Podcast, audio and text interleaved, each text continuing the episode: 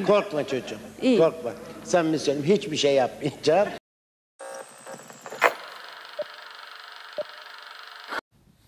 Merhabalar abilerim, ablalarım ve tüm ev gençleri. Şu anda Lokum gibi bir bölüm dinlemektesiniz. Ve karşımda da benim Lokum gibi bir arkadaşım Orçun var. Nasılsın Orçun? Merhaba. Ee, iyiyim sen nasılsın? İyiyim, teşekkür ederim. Aslında benim için farklı bir deneyim oluyor. Çünkü ilk defa biri karşımda Zoom'da değil, direkt karşımda aynı kanepeyi paylaşıyoruz şu anda Orçun'la. Orçun'u öncelikle bir tebrik edelim. Okuldan mezun oldu. 30 yaşında. 30'a yoğurt çala çala geldi ve mezun oldu. Ee, güzel de bir projeyle mezun oldu. Ee, aynı zamanda şu anda Bilgi VCD'nin kendi sitesinde de var. Unknown and Adored diye. Ee, birazcık bahsetmek ister misin? Ben böyle ilerliyorum ama. Tabii. E, projeden bahsedelim. Aa, Şöyle aslında e, bu yaşımda mezun olmamın sebebi askerlik sebebiyle birkaç ders bırakıp da sonra 30'dayken mecburen gitme Türk erkeği sorunsalları. öğrendikten sonra e, okulu bitirmeye karar vermem. Bir de uzaktan eğitim geçmesiyle bir yandan çalışıp bir yandan bitirebileceğimi keşfedip bu sene bitireyim dedim artık. Ve e, sonuca vardık işte okul bitti artık yani öyle diyebilirim. E, projemden bahsedeyim biraz Hı hı. kısaca. evet, iyi olur. Ee, iki dönemde bir proje yaparak mezun oluyoruz son senede okulda. Projemin e, statement'ı şöyleydi. İşte sokak hayvanlarını beslemeyi amaç edinmiş hayvanseverler hayvanseverlerin iletişimini kuvvetlendirecek, güçlendirecek ve iletişim sorununu çözecek bir e, çözüm önerisi aslında. Ben bu çözüm önerisini bir uygulama tasarlayarak e, yapabileceğimi düşündüm ve bunun için bir uygu- uygulama tasarladım aslında bir application. E, işte çok basit bir arayüzü olan işte sokak hayvanlarının beslendiği noktaları pinleyerek bu noktalar aracıyla hayvan severlerin, severlerin iletişim kurabileceği vesaire bir platform aslında. E, kısaca böyle proje ve şu an Güzel de devam final- ediyor. Evet. e, Web sitesini falan yaptık işte sunumunu yaptım. Nottan açıklanmasını bekliyorum ama ümitliyim yani. Soru iyi olacağı belli. Şöyle bir şey sormak istiyorum. Senin aslında bölümünün adı Visual Communication Design yani görsel iletişim tasarımı. Bu süreçte bir iletişim problemini görselleştirmek ve bunu ı, somutlaştırmak bir tasarımcı gözüyle nasıl bir süreci işaret ediyor? Yani sana aradaki bağları dokurken neye dikkat ediyorsun? Nasıl bir tasarım süreci var bunun arka planında? Yani bunu biraz merak ediyorum açıkçası. Yani e, diğer bölümlerden, diğer işte disiplinlerden farklı olarak bir iletişimin görselleştirilmesi olduğu için hayatın çok içinde bana göre. Yani e, her şeyden bir şey çıkarabiliyor insan bu noktayı düşündüğü zaman. E, iletişim dediğimiz zaman hani çok basit algılanabiliyor ama e, çok gerekli bir şey aslında insanlar arasında. Bu olmadan aslında insanlar işte haberleşemiyor, anlaşamıyor, ıvır zıvır. Zaten bizi insan yapan en büyük özellik iletişim olması ve bunun görselleştirilmesi dediğimiz zaman da çok kapsamlı bir şey. E, benim açımdan e, şöyle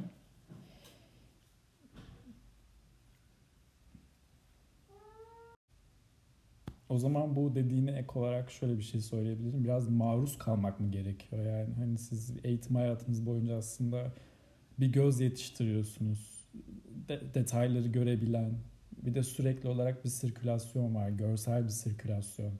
İster istemez artık duysal veya temassal olarak gördüğünüz problemleri görsel olarak zihninizde bir canlılık mı kazanıyor yani? Onun gibi bir süreci mi temsil ediyor bu tüm hadise? Aslında bu biraz içselleştirmekle ilgili bir şey. Ee, bazı şeyleri böyle ezbere veya okuduğun şeyleri yapmaktan öte bir süre sonra insan bazı şeyleri içselleştirir ve hiç düşünmeden hareket eder. Tasarım süreci de aslında biraz öyle ilerliyor benim açımdan. Ee, bir şeyleri niye yaptığını düşünmeden direkt yapıyorsun. Ee, sonucunda zaten bu da senin kişiliğin ve tasarım anlayışın ve yansıtmak istediğin şey çok içeriden geliyor. Yani e, ezberlenmiş veya işte ok- okunarak yapılan bir şey değil dediğim gibi tamamen içten gelen ve bu içteki durumunu eğiterek, yontarak yaptığın bir şey sonucunda bir şey ortaya koyuyorsun. Ve bu da zaten senin iletişim aracın görsel iletişim aracın olarak ortaya çıkıyor. Hmm, anladım. Aslında şöyle bir şey söylemek istiyorum. Ben biraz da seninle birlikte çalışma süreçlerine dahil olduğum için geçenlerde Instagram'da bir Reels'a denk geldim. Bir talk show'da bir Hindu adam konuşuyor yani böyle biraz şey gerçi bahsettiği şey insanlardaki kusurları görmek üzerine. Özellikle kendimizdeki belirlediğimiz kusurlara dair şöyle bir şeyden bahsediyordu. Ağzınızı ha şey pardon şöyle başlayayım. Ağızla burun en yakın iki organlardan biri vücudumuzda ve ne tuhaftır ki burun koku al, duyusuna sahip olduğu halde 3 gün ağzımızı fırçalamadığımız zaman sizi uyarmıyor bir açıdan. Kokuyu kanıksıyor çünkü. Ancak bir odaya girdiğin zaman o kokuyu sen hariç odadaki herkes alabiliyor ve ağzının koktuğunun farkına varıyor. Hindu'nun Hindu adamın bahsettiği nokta şuydu. İnsan öyle bir göz geliştirmeli ki kendi kusurlarını fark edebilecek kadar farkında olmalı gibi bir temasa dokunuyordu. Senin de bu iş sürecini biraz daha kanıksadığım için biraz daha gözlemlediğim kadarıyla aslında kendi dünyandaki problemleri anlamaya da dayanıyor bu tasarım süreci. Yani hem dışarıya ait gelişmiş bir göz sergiliyorsun hem de o göz geri geldi mi 180 derece dönüp kendi içine de dönüp sorgulayabiliyor hatalarına dair. Şu noktadan hata demeyeyim de daha çok kusurlarına veya verimsiz hissettiğin noktaları geliştirmeye dair. Çünkü aslında bahsettiğin şey birçoğumuz açısından gündelik hayatımızda çok kanıksadığımız problemler ama problem gibi hissiyata çoğu zaman kazanmıyor bile. Ama senin dokuduğun projende şöyle bir detay vardı. İletişim problemine odaklanıyor ve hayvanları beslemek için sorumluluk sahibi insanlar arasındaki iletişimin belki birçoğumuz için belki o insan skalasında bile olsa hı hı. bu iletişim problemi benim için bir problem gibi de gözükmeyebilir. Ama sen o problemi kavruyorsun, bunun bir problem niteliğini irdeleyip bunu sorunu hı çözüp üzerine bir de çözümün görsel bir arayüzünü sağlıyorsun. Hı. O yüzden bence bahsettiğin şey mütevaziliğine veriyorum. Çok daha yüzeysel bir anlatımla sahipsin ama bence daha derin bir havası var. Çünkü çalışmalarını görüyorum kendi içinde. Çok daha derinleşmiş, içselleştirilmiş şeyler. Yani dediğin gibi aslında basit anlat, basit anlattın ama basit aynı noktaya varıyoruz yani doğrudan. Bir de şöyle bir şey söyleyeceğim hem de sorumu sorayım aynı zamanda. Kafamdaki sorulardan biri de buydu. Tamam. Gerçi bunların hepsini yulaf yerken az önce düşündüm. ne sorabilirim diye. Çok zor gelmeyecek o zaman. Ha, aynen. Aslında zor. Belki değişebilir. Neyse. Ben de moderatör gaz veriyor zor zor diye. Neyse şöyle bir şey soracağım. Sen aslında sigara tüketen yani sigara içen ve bu her gün hayatında devam eden bir bağımlılık alışkanlık her neyse adı. Tam olarak doğrusunu bilemediğim için çeşitlendiriyorum ama böyle bir nasıl diyeyim hayatın akışında böyle bir detay vardı yani sigara içiyordun. Ancak bu gözün yine kendi içine döndü ve artık sigarayı bırakmam gerekiyor çünkü hayatımda artık fiziksel olarak veya zihinsel olarak istemediğim bir noktaya evrildi gibi bir söylevin vardı. Hı hı. Bu söylev sonucunda sorun bu ya aslında soru da değil de şöyle söyleyeyim. Nasıl bağımlılıklardan arındın kendi içindeki? Yani bu süreç nasıl işledi? Bunu merak ediyorum. Kendi bağımlılığından arınabilmek senin için ne anlam ifade ediyor? Önce az önce söylediğin örneği bir şey değinmek istiyorum. Bu e, Hindu adamın kendi ağız kokusunu alamaması, sağlık kaygın olmasına rağmen aslında az önce söylediğim şey e, içselleştirmekle alakalı. Bir şeyi ne kadar içselleştirirsen o kadar farkına varmadan yapıyorsun. Burada da aynı şey. O koku artık o kadar burnuna çok gelmiş ki artık bunu içselleştirmiş ve artık kokusunu almıyor ve bunsuz hareket ediyor. Ama aslında o koku ağzından sürekli gelmeye devam ediyor ama diğer insanlar bunun farkına varıyor.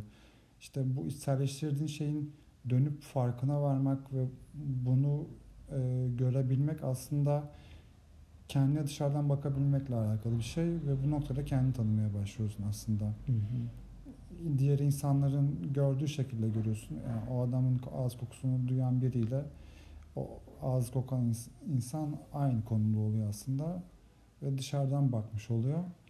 Ee, bu konuda işte bunu yapması bence biraz zor. Bu aynı zamanda insanın kendi hatalarını görmesini de sağlıyor. Dışarıdan bakmasını sağlıyor vesaire. Yani kendini geliştirebilmesi için e, ve bu yönde bir şey bir halka da ekleyebilmesi için Hı hı. bir e, aşama aslında. Bu aşamaya geçtikten sonra aslında bazı şeylerin de olabilmesi çok muhtemel geliyor bana. O yüzden bu içselleştirdiğin kısmı da farkına varmak çok önemli bence. Bu aynı zamanda tasarım aşamasında da böyle. Yani kişisel olarak hani kişilikle alakalı bir şey olarak da bence çok önemli. Onun dışında bağımlılık ve sigara sürecine geldiğim zaman yani sigara yaklaşık bu 8 seneden beri içiyorum sanırım. Ee, bu okul süreci ve pandemi dönemiyle aslında bağlantılı sanırım. Pandemi herkese çok kötü çok kötü hani herkes evde vesaire deniliyor ama sanırım benim açımdan faydalı oldu çünkü uzaktan eğitim olduğu için hem çalışırken hem okulu bitirebildim hem de sigarayı bırakabildim. Ee, sigaranın son zamanlarda tadı bana gerçekten kötü gelmeye başlamış. Böyle başladı süreç. Ve yemekten sonra sigara içmeyi sevmiyorum. Nedense bilmiyorum. Herkes çok sever.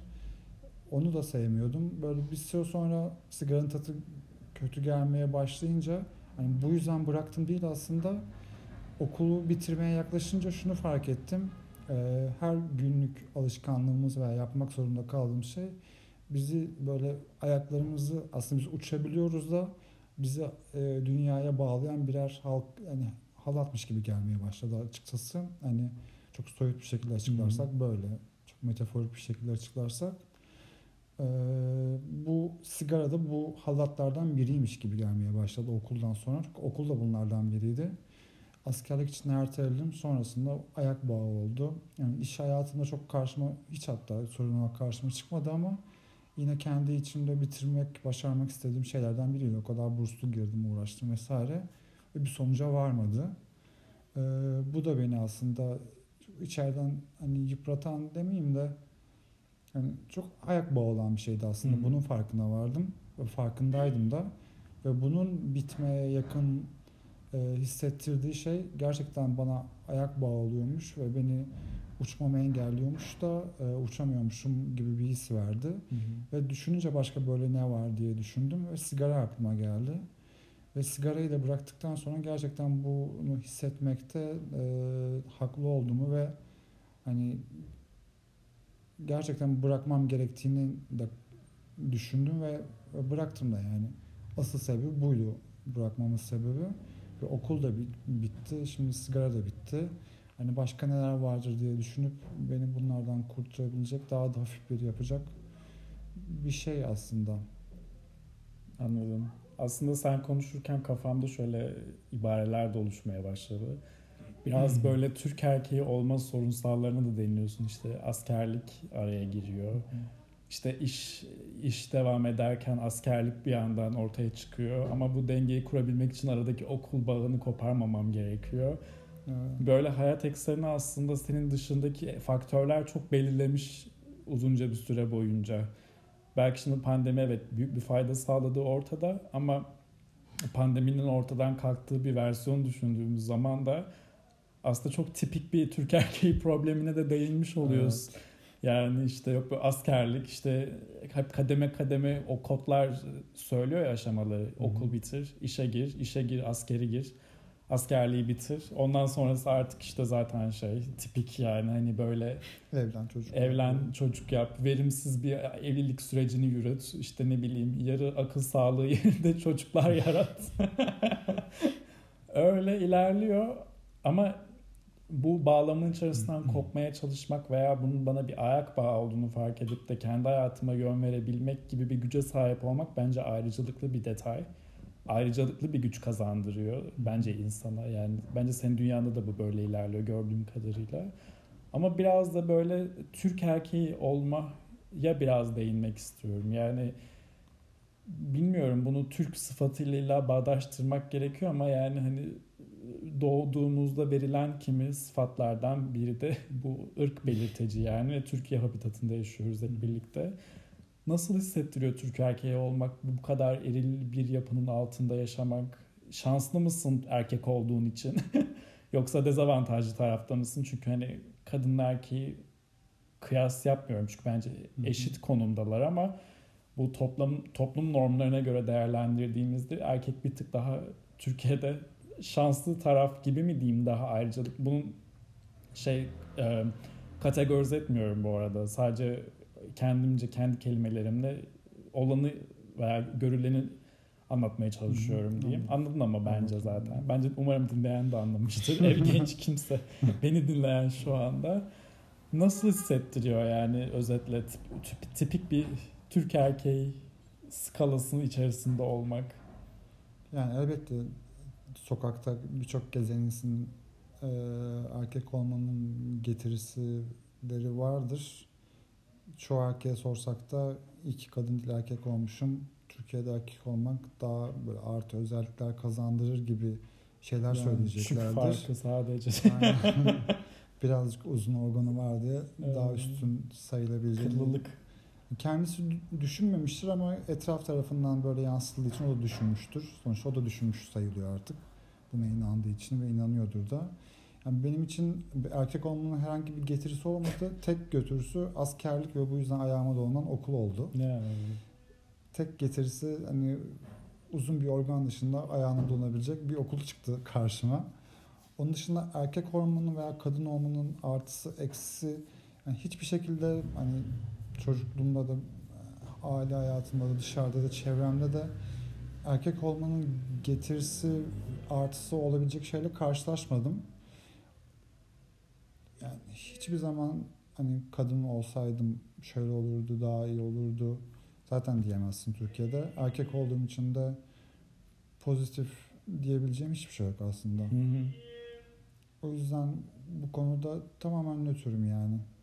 Anladım. Aslında Hiçbir biraz olmadığı için. söyle söylediğim soruya derin bir arayüz sağlamak istediğimde bir tık böyle Türkiye'de erkek olmak ve kadın olmak veya Türkiye'de herhangi bir canlılığı temsil etmek veya onun bir üyesi olmak bilmiyorum ama yani gerçekten bir bastırılmışlık diyarı distopyası içerisinde gibi hissettiriyor benim açımdan yani bu ülkede bir erkek olmak en azından kendisi taşıdığım sıfatlara göre değerlendirdiğimde Bilmiyorum anlatılan hikayeler bile böyle hafif bir Türk hikayesi dinlediğin zaman yok işte Arzu ile Kamber'dir, Layla ile Mecnun'dur. Hep böyle bir ataerk figürlerin yükselişi, işte heteroseksüel ilişkilerin böyle bir yanıp tutuşulması vesaire. Ama gel gör ki işte Ferhat Mecnun'a vurgun olunca onun hissettiği aşk Leyla'ya verilmiş aşktan daha mı az veya daha mı çok veya daha mı değerli, daha mı nicel niteliklere sahip gibi düşündürüyor yani. Hani heteroseksüel olduğun zaman diliminde yaşadığın tüm duygular gayet açıkken öte yandan diğer kendine dair belirlediğin duygular bastırılması gereken sıfatına mı alınması gerekiyor vesaire. Bilmiyorum biraz erkek olmak galiba şey de hissettiriyor bana. Yani en azından benim hissettiğim kadarıyla biraz bastırmak gerekiyor galiba. Olduğun kimliği. Genel bir çünkü şey var gibi geliyor. Erkek olma bilincine dair bir algı yani hani kadın için de bu böyle. Erkek için ya erkek olduğum için belki de bunun değerlendirmesini daha net bir şekilde sunabiliyorum. Bu bastırılmışlıkla geliyor. Senin kendinde böyle hissettiğin, bastırdığın ne bileyim bastırılmış hissediyor musun sokağa çıktığında kendini? Yani çok aslında kendi buyruk yaşayan, çok etrafın dediklerini dikkate almayan, dikkate almak almamak değil de eee, çok umursamayan biriyim aslında. Etra, etrafımdaki insanların, özellikle yabancı tanımadığım insanların hakkında söylediklerini hani arkamdan bir laf atsalar, hani erkekliğime dair veya görünüşüme dair bir şeye dair olsa çok dikkate kayda almayan biri olduğum için ee, çok sorun yaşamıyorum ama bu zihniyete ait bir toplumda yaşadığım için de aslında biraz kızgın oluyor insan bundan dolayı. Evet ben de öfke hissediyorum çoğu zaman. Evet, topluma öfke. O kişiye öfke hissetmiyorum kesinlikle çünkü onu yetiştirilen işte etrafındaki politikacılar vesaire devlet çevresi, kültürü, köyünden nereden geliyorsa artık bu zihniyeti o zihniyete sahip olan topluma karşı bir öfke aslında bu kişiye değil. O yüzden de kişi bazı hiçbir zaman düşünmüyorum bu konularda. Çünkü bu kişisel bir görüşü değildir hiçbir zaman öyle olduğunu düşünmüyorum. Tamamen ona dayatılmış veya öğretilmiş iki, iki şeyden biri olduğunu düşünüyorum. O yüzden de dediğim gibi kişiye hiçbir zaman kızamıyorum veya sinirlenemiyorum. Tamamen daha böyle sisteme dair bir sinir benimki oluyor. O tür. Anladım. Biraz da bağımlılıktan konuştuğumuz için böyle şey de aklıma geliyor. Yani ben mesela sana eğer senin dediğine kıyasla düşündüğümde ben o kadar mesela toplumdan kopuk yaşadığımı his yani nasıl diyebilirim diye ama sokağa çıktığımda böyle bütüne bir bağlılık bilinci var herhalde Hı hı. ve ama toplumun talebi ettiği nokta bağlılıktan ziyade biraz bağımlılık gibi. Yani onun dayattığı dikteleri belir biçmen veya hmm, nasıl diyeyim diktelere göre kendini modifiye etmen gerekiyor gibi bir hissiyat var. O yüzden de kendi içimde böyle bir yozlaşma gibi bir durum da olabiliyor kimi zaman gibi hissediyorum. Biraz şey hmm, nasıl diyeyim vatanımı seviyorum diye milliyetçilik damarım bastı birden. Neyse değiştirelim bu konuşma dilini. Şey sorayım biraz daha şey kişisel bulutlara gidelim filan. Um, süper bir yeteneğin olsa hangisine yeteneğin olsun isterdin mesela? Süper yeteneğim olsa ne olmasını Türkiye'den isterdim? kaçmak. Hmm. Işınlanabilmeyi isterdim herhalde. Hmm. Çok basit. Ne? o, o muydu o istediğin? Yargıladım biraz. Çok basit. Çok düşünmeden Yo ya verdim. önemli değil. Işınlanmaysa ışınlanmadır canım yani ne olacak? Olabilir.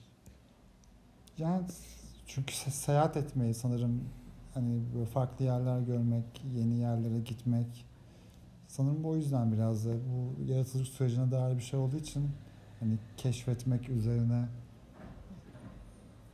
bir süper yetenek yani çünkü e, keşfetmenin temelde bir noktada seyahate dayandığı için sanırım o yüzden biraz da aslında kendini besleyebilmek açısından bir süper yetenek. Yine kendime yönelik bir şey söylemem. Dünyayı kurtarmak için bir süper yetenek değil. Tamamen kendimi geliştirebileceğim veya kendime faydası olan bir süper yetenek. Hmm. Yani kimseye faydası yok. Sadece bana faydası olan bir süper yetenek. Aslında biraz bencilce ama Ay yok canım yani bu evet. Hani insanlara dünyayı kurtarayım. Hani gözümün ışın çıksın Ay bir şey. yok. Onları öldüreyim, Yani. şunları yapayım. Gözüyle bakabilir genelde şeyde işte popüler kültürde süper hani özel yetenekli olan insanlar genelde dünyayı kurtardığı için Aa.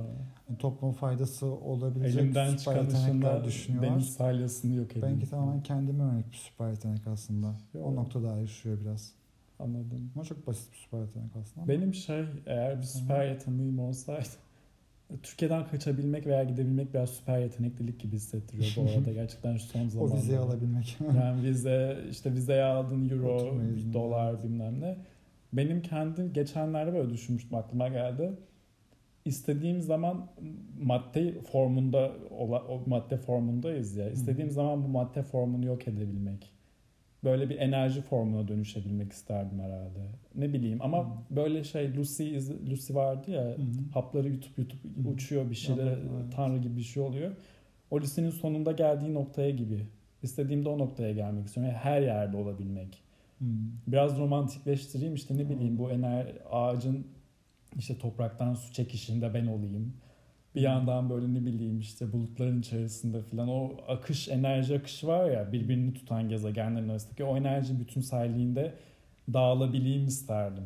Çünkü bu maddesellik bana biraz sınırlılık gibi geliyor bir açıdan da yani vücudumu terk edemiyorum mesela şu an istediğimde. Bu avatarda da bağlandıkları Ha sistem gibi bir tık şey evet aslında. bak o da örnek olabilir ama tabii onlar da yine bir maddesel bir birliktelik sağlıyor. Yani böyle yok ol, yok olmak demeyeyim de böyle form değiştirebilmek gibi. Biraz ışınlanmanın Aşınlanmak. ben de böyle bir şey. Yok canım. Yani ama dünyayı kurtarmak. Anladım. Neyse ne diyelim. Gönüllere sevgi, ışık dileyelim. Başka bir şey. Başarılar kurtaracak insanlara. Eklemek istediğim bir şey var mı son olarak? Dünya kurtaracak insanlara başarılar diliyorum. evet. Aynen olabilir. Evet. O Evet, zaman sö- söylediğin de şey bir süper yetenek olabilir aslında. Yani farklı deneyimler. yaşayan Evet şey deneyim yaşamak. Aslında doğru bir bakış açısı. Aynen doğru bir cümle kurdum. Biraz deneyim. İşte ne bileyim merak ediyorum çünkü e, ezan başladı. Arkada fon müziğimiz. Ev gençlerine. O zaman bitiriyorum. Eklemek istediğim bir şey var mı? Teşekkür ederim. Bana sıra geldiği için. Evet. Ne demek? Biz teşekkür ederiz katıldığın için. O zaman böyle kutsayarak ayrılıyoruz. Görüşmek üzere. Ev gençlerine sağlık, sıhhat, akıl sağlığı diliyoruz. Ne diyelim?